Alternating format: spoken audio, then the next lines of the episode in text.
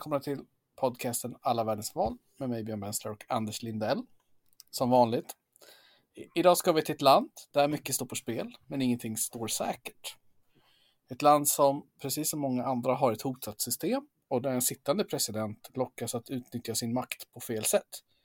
Men det är också ett val där en mer eller mindre evig förlorare på något sätt trots allt är närmare än någonsin att vinna. För idag blir det en resa till Zambia. Denna underskattade nation vill jag nästan säga i södra Afrika. Ja, här finns det någonting för eh, alla. Så det, de har ju en otroligt härlig politisk historia och eh, märkte vi en, en ganska tydlig situation i sitt val just nu. Det kanske biter oss sen om det här blir ett obegripligt avsnitt, men vi brukar ofta du vet, slänga oss med så här. Ja, det är mycket, det är krångligt, det är stökigt, det, man fattar inte.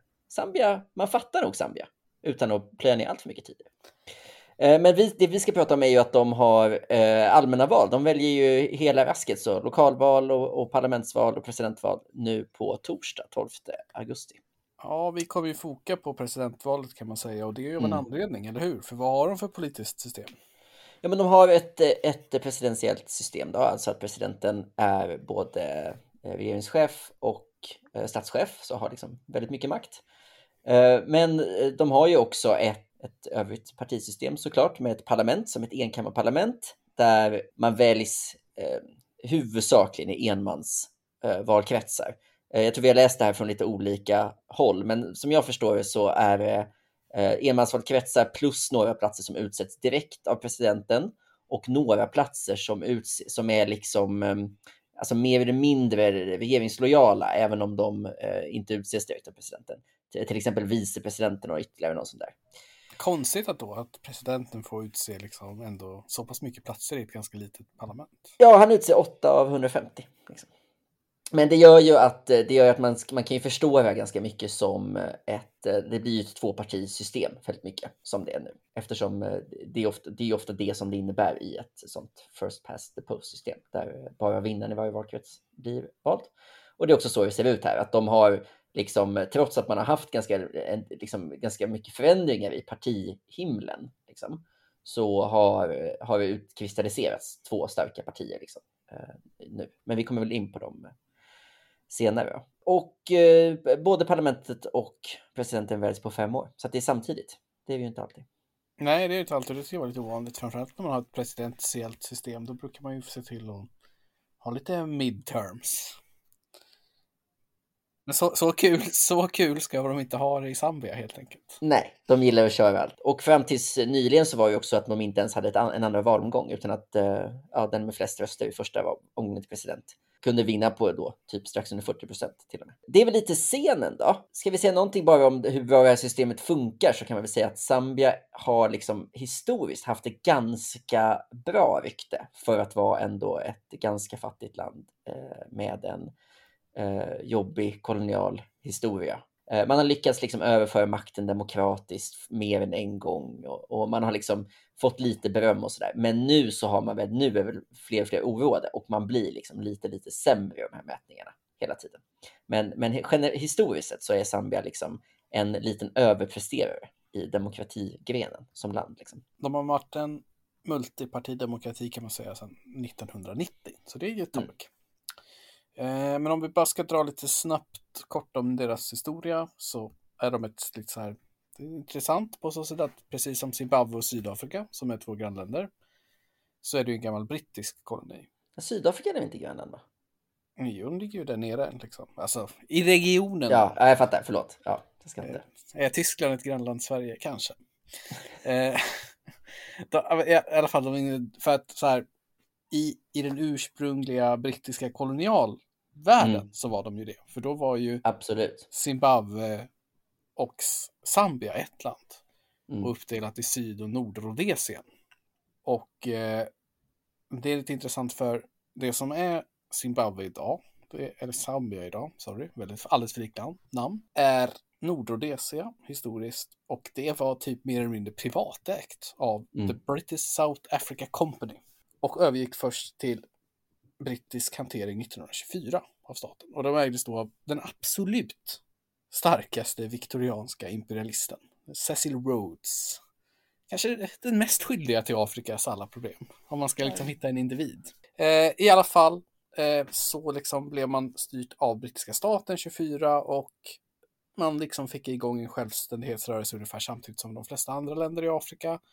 Mm. Och det var någon kort period med en federation med Malawi, men 1963 så upphörs den och 1964 så blir Kenneth Kaunda president. Och Zambia blir officiellt Zambia och inte Nordrhodesien i oktober 1964. Och det som är lite coolt med det är ju att man bröt sig ut mycket tidigare än liksom, alltså om man jämför med Alltså det var ju regelrätta liksom apartheidstater runt om en, liksom, som man var i så öppen politisk konflikt med hela tiden. Eh, mer eller mindre tror jag också någon slags, liksom, det var väl också liksom eh, sådär smidigt de lyckades lösa det så att det inte var en invasion, men man blev alltså från landet, men man blev ju invaderad från liksom väpnade styrkor från ja, dåvarande Sydrhodesia, Zimbabwe, direkt efter man var självständig och det var också mycket konflikt för jag tror all infrastruktur var ju byggd för att man liksom skulle pumpa ut resurserna från landet ner i Sydafrika. Så att eh, man hade liksom, kunde inte exportera någonting utan man var eh, utan deras hjälp, för det var liksom så hela samhället var uppbyggt. Eh, så att, så att man hade ju den här väldigt speciella situationen att vara så mycket man leddes av liksom en av de stora liksom, frihetsrörelseikonerna eh, i Afrika, Kennekunda, medan grannländer som man fortfarande på ett sätt var beroende av var liksom, kanske de stora symbolerna för liksom, apartheidsystemet fortfarande. Ja, man kan säga att eh, Zambia är oerhört kopparrikt. Och det är det som lockade britterna från början och det är med kopparpriset som deras ekonomi har liksom gått upp och gått ner de senaste åren. Just det, precis. Det är ju, för om man bara ska placera ytterligare geografiskt då, så är vi ett, ett, ganska stort land, alltså förvånansvärt stort som alla i Afrika, större än man tror. Så det är typ dubbelt så stort som Sverige nästan. Och ligger där liksom inklämt, så att det har ingen kust eller så, utan man blir beroende av andra länder på det sättet. Men vad har vi på Kenneth Kaunda då? Denna antikolonialistiska hjälte som sen blev diktator. Han har väl av alla de där, alla de här gubbarna, liksom, eller man ska säga, så har han ju ett väldigt, det är väl bara liksom Mandela i den generationen som lämnade med ett bättre rykte kan man säga. Alltså att han ändå, eh, Kaunda tog ju över som president och hade varit då som sagt jättebetydande i frihetskampen och liksom också på den liksom hela afrikanska scenen. Men, men gjorde sen mycket, mycket viktigt liksom inte, inte sitt yttersta för att demokratisera landet utan, utan styrde ändå som en enpartistat. Och det var ju såklart, liksom, fanns en del liksom, obehagliga repressiva metoder i det där också. Så det kan man inte. Men han minns ju på ett, med, liksom, med mycket större värme än många, än till exempel, liksom, ja men ta... Um... Han är ju ingen Mugabe till exempel. Nej, precis. Han är ingen Mugabe, utan som, som ju liksom gjorde samma resa, men som bara aldrig gick med på ett flerpartisystem. Kaunda gick ju med på flerpartisystemet till slut, efter 20 års eh, tjat, och förlorade då eh, valet. Eh, och det, han, det som han gjorde då, för det har ju hänt förut, att någon liksom lite motvilligt går med på att ställa upp i ett val och sen förlorar det. Men det som också, det som Kaunda gjorde, som, som han ändå kanske var först med i den där generationen av eh, frihetskämpar som blev enpartiledare, var ju att han accepterade det. Eh, jag lyssnade på en dokumentär eh, om Kaunda i morse när jag cyklade till jobbet och de beskrev med väldigt liksom stor värme scenen när han liksom går ut eh, och liksom själv är den som viker ihop vimplarna på presidentbilen, eller på hans bil då, som då slutar vara presidentbilen innan han kör iväg. Och att det var någon liksom, någon, fanns något ädelt i hans sätt att ändå acceptera valresultatet. Så det finns mycket, jag tror att man ska inte vara liksom apologet mot eh, eh antidemokrater, men det är väl med rätta som han minns som en av de eh, ändå mer lyckade av de här som skulle göra någon slags övergång från kolonialism till demokrati. Ska vi fokusera lite på vad som hände efter Kaunda då? Ja, absolut, det kan vi göra. Det hände ju massor. Hans parti hette ju UNIP, eller United National Independence Party, som ju var hans, liksom, hans projekt. Eh, och de förlorade ju första valet som, som de eh, eh, tillät. Och då var ju det mot liksom, det här som vi också pratat om flera gånger. Det här är ju en liten bana som går igen. Att det liksom bildas ett parti som bara handlar om demokrati och som sen vinner eh, första valet och då måste börja handla om massa andra saker. Och det partiet hette Movement for Multiparty Democracy. Och, och de körde sen på ganska eh, liksom framgångsrikt i 20 år. Och då kan man säga att det som också är intressant där är att först var det ju spännande att Kaunda liksom gick med på att, på att förlora. Och samma sak hände eh, 2001 när då president nummer två, Fredrik Chiluba, som hade varit då eh, partiledare och president i tio år, vilket man den begränsningen man fick hålla sig till, som det är i nästan alla länder, alltså två mandatperioder. Uh, han försökte liksom vara så här, hörni, ska vi inte göra så att jag sitter kvar och vi, vi kanske kan ändra konstitutionen så att jag kan köra. Men hindrades uh, internt och fick se sin efterträdare bli president istället. Så att man lyckades på något sätt två, två gånger på de två försök som fanns ändå att gå över från en president till en annan med fredliga mått. Och om man bara ska dra lite, vi behöver inte namedroppa alla, alla namn eller så, men de hade då, de hade två eh, mandatperioder till. Eh, och eh, det blev liksom, liksom onödigt många presidentval där för att man hade en del presidenter som dog på, på presidentposten. Ja, två stycken va? Ja, precis. Först 2008 då, då sittande presidenten från, från just eh, det här MMD-partiet dog. Och det var då man tappade makten eh, till ett utbytarparti som hade startats 2001 eh, ur liksom den här konflikten eh, kring tidigare presidenten eh, som hette Patriotic Front. Eh, så de, de lyckades då ta makten 2008. Det, det låter verkligen som ett östeuropeiskt politiskt parti. ja, ja, precis. Man tänker inte att det var ju faktiskt är ett, ett liksom socialdemokratiskt eh, brett parti i Zambia. För den väldigt intresserade så har de nu justerat sin konstitution tror jag. Så att en vicepresident som tillträder av att presidenten dör får sitta mandatperioden ut istället. Ja, han får det. Men vad, tycker, för det var, när man läste om det här blev man irriterad på att de två gånger i rad de har liksom en vicepresident så ska de ändå ha någon slags liksom, nyval Ja, av inom, den. Liksom. ja, inom typ så här 90 dagar eller något. Och en, en av de här presidenterna eh, var ju Guy Scott som han var liksom vicepresident och då var han historia, han var liksom den första vis, vita vicepresidenten efter demokratiseringen. Och sen så när han skulle kandidera till president, då blev det massa jidder om så här, ja men är han verkligen, han är född av, jag kommer inte ihåg om de var skotska eller engelska föräldrar, men så här, eh, är han verkligen sambisk nog för att få kandidera typ? Man känner lite så här, men ha inte en vicepresident som ni inte tycker kan vara president. Det känns lite kontraproduktivt. Ja, skitsamma, de körde ju i alla fall eh, fast där, de här MMD. Och utbytarpartiet Patriotic Front tog över. Och även den presidenten dog efter några år på posten.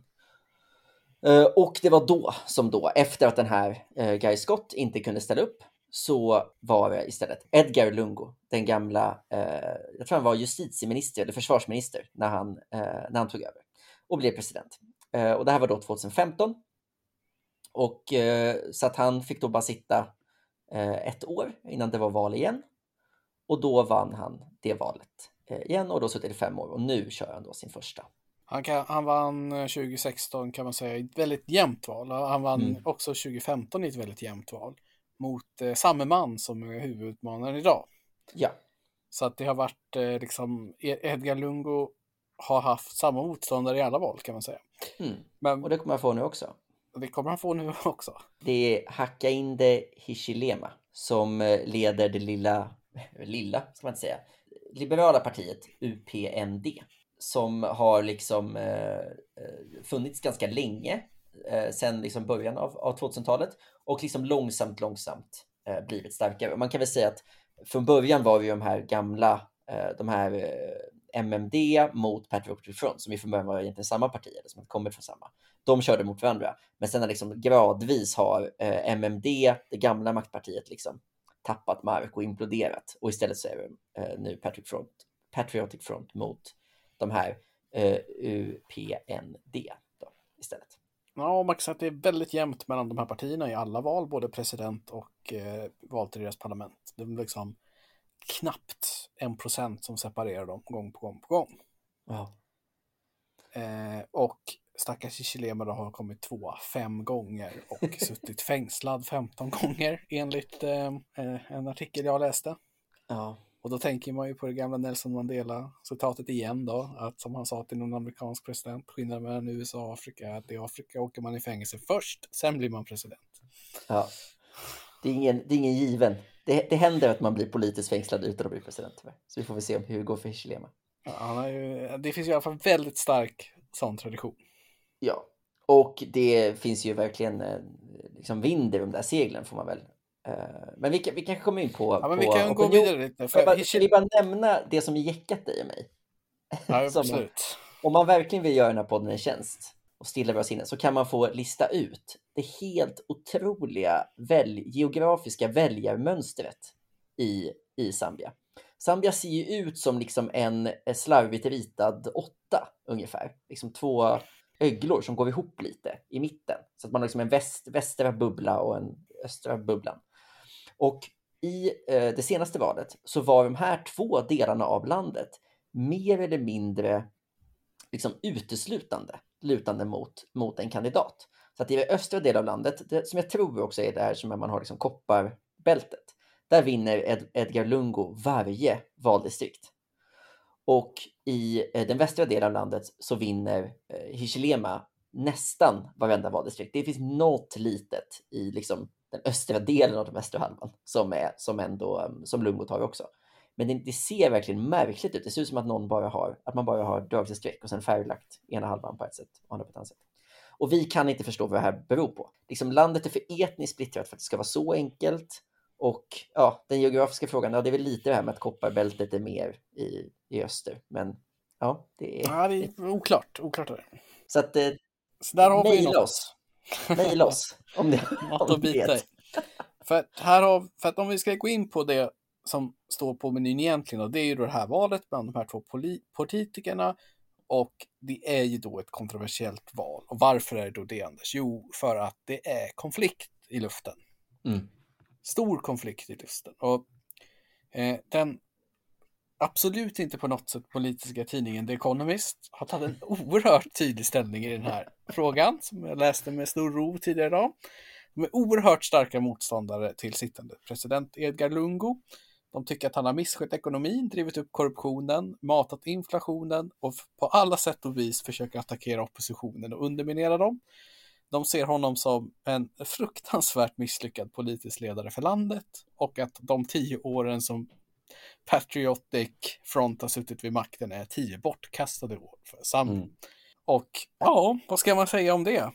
Ja, men på ett sätt är det väl härligt med ett val i Afrika som är så ideologiskt att The Economist kan ta ställning. Det väl roligt.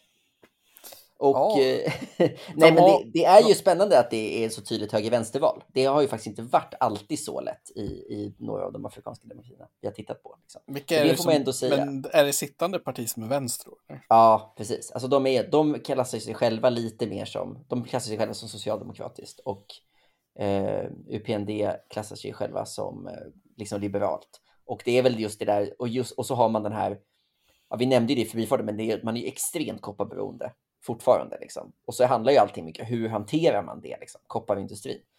Liksom, en en liksom, lösning som många försökt med, både under liksom, Kaunda-åren och lite nu, är ju att försöka koppla staten hårdare mot koppar. Liksom, typ med, med olika, mm, ja, antingen stöd eller tvång eller sådär. Och det är väl förmodligen så att eh, är mer företagarinriktad och försöker liksom få, ja, han, få minska skatter och sånt där. Och The Economist tycker ju att han får en nystart för landet på alla sätt.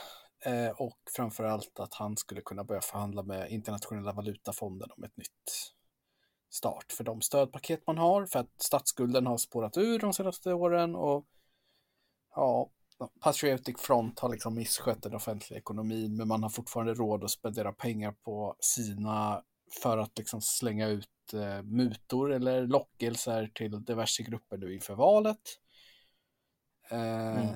Och det tror man skulle liksom kunna gå åt andra hållet. Och valkampanjen präglas ju till vad vi har lärt mig till i alla fall av vissa uppenbara oiregelheter. Till mm. exempel så verkar det vara covid-regler för kampanjande som bara gäller oppositionen. Eh, flera oberoende medier har stängt. Eh, sittande president Lungo har liksom snackat om att mobilisera militären i samband med valet, vad den mm. nu ska göra och så vidare och så vidare. Så allt det här, både den ekonomiska och den politiska utvecklingen gör att den, The Economist i alla fall är helt säkra på vad de tycker ska vinna. Mm.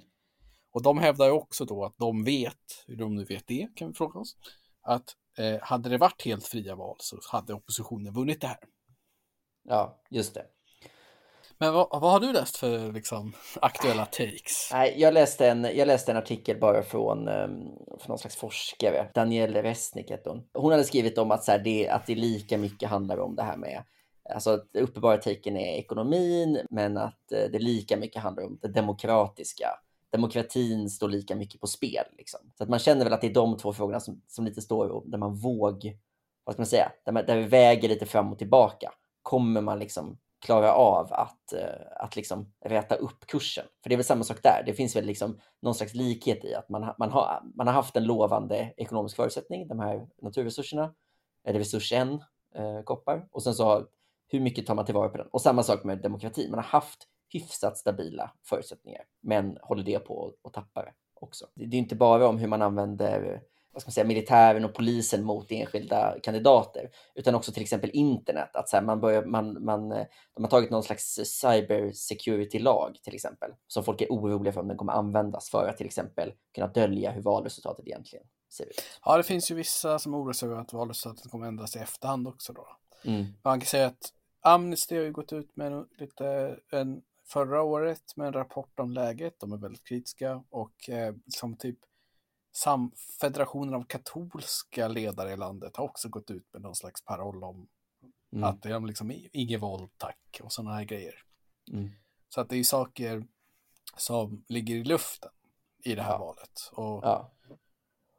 det är liksom, viss, jag läste en artikel i Bloomberg också som säger att de, liksom, det är väldigt stor möjlighet att det blir våldsamheter och att det hur som helst lär talas om valfusk oavsett vem som vinner. För det gjorde det i förra valet och valet innan det. Mm. Just för att det är så jämnt mellan partierna, allt, av allt att döma. Ja, precis. Det blir väldigt... ehm, Det kan ju säkert bli en sån här segdragen peruansk historia om de håller på och överklagar fram och tillbaka. Liksom. Det känns ju också som att det enda, resultat, det enda som liksom kan, kan bli ett vad ska man säga, fredligt efterspel, det är om Hichilema tar en tydlig seger som Lungo accepterar. Därför att alla andra, om Lungo vinner tydligt, då kommer, alla, då kommer man tro att det är valfusk. Och, då, och om Hichilema vinner liksom smalt så kommer det att, bekämpas av, av liksom sittande eh, regering så mycket som möjligt. Det, ja, det är spänt läge helt enkelt. Det är väl också så att det finns vissa liksom, politiska frågor, förutom det här med, med ehm, eh, den här liksom mer allmänna höger-vänster-frågan, så har man ju liksom, så jag läste någonstans att skatt, liksom statsskulden är enorm, tror över, över 100 procent av, av BNP. Och samma sak med korruptionen, att den också på något sätt har eh, ökat. Liksom. Ja, det är den som artiklarna i The Economist i alla fall säger då beror på den totalt misskötta staten Mm, under mm. den här administrationen. Mm. Och det är därför de ser det som ett nystartsmöjlighet. Ja, men lite, det är väl lite chans, en eh, chans för Zambia att eh, ja, visa alla tvivlare nu att de har fel och att de är det här demokratiska föredömet som de en gång var. Man hejar ju på någon som har förlorat sex gånger i alla fall. Eller fem gånger. En, en av alla gånger jag var fängslad, då eh, lä- läste jag om att då kom eh, eh, Kenneth Kaunda var ju väldigt, han dog alldeles nyligen, han dog i våras. Det trodde man inte, man trodde att han hade för länge sedan. Men han höll sig undan från politik. Det var ju det som var gjorde honom så, så föredömlig som ex, ex-diktator, att han höll sig undan och inte varit en faktor. Men han gjorde ändå liksom en, liksom, en lite symbolisk visit på fängelset där Hichilema sagt, satt fängslad. Men fick inte komma in och hälsa på, läste jag. Så det kanske säger någonting om vad han, vad han försökte liksom, med sitt legacy. Ja, det, det är intressant. Hur tror du det går Anders? Nej, alltså jag, jag, det känns ju som att Hichilema, och med tanke på hur nära han var sist och att det finns ändå en del ganska så objektiva mm, saker att gå på så tror jag att han vinner. Alltså. Ja, jag backar sittande president i det här. Det tror jag. Ja. Ja, sen går det nog kanske inte rätt och riktigt till. ja, det är liksom två, det är, man får ju betta i två steg då. Först vad röstar folk på, sen vad kommer formella resultatet att bli? Det är möjligt att det blir två olika. Och, och till det här valet så är det ju då två valomgångar. Det har inte varit, det har bara varit en gång tidigare 2016 och då fick han som vann precis över då. Så det kan mycket väl bli en andra valomgång här. Och Just då det. byggs det upp för en riktig rysare. Ja, det blir spännande. Vi kanske nöjer oss där då. Mm, eh, tackar för det och så kommer vi tillbaks om några veckor med, vad var det då sa du? Marocko. Det blir ju lite precis, det, här, det blir ju ett liten, en paus nu några veckor igen då. Så att, ehm, Men sen är det Marocko, sen är det Norge. Det är otroliga val. Alltså september blir ju eh, en intensiv och eh, härlig månad för alla världens val. Ja, det, blir, det blir årets höjda månad. Vi hörs då, Björn. Mm, det absolut. Hej då, hej då. Ha det bra.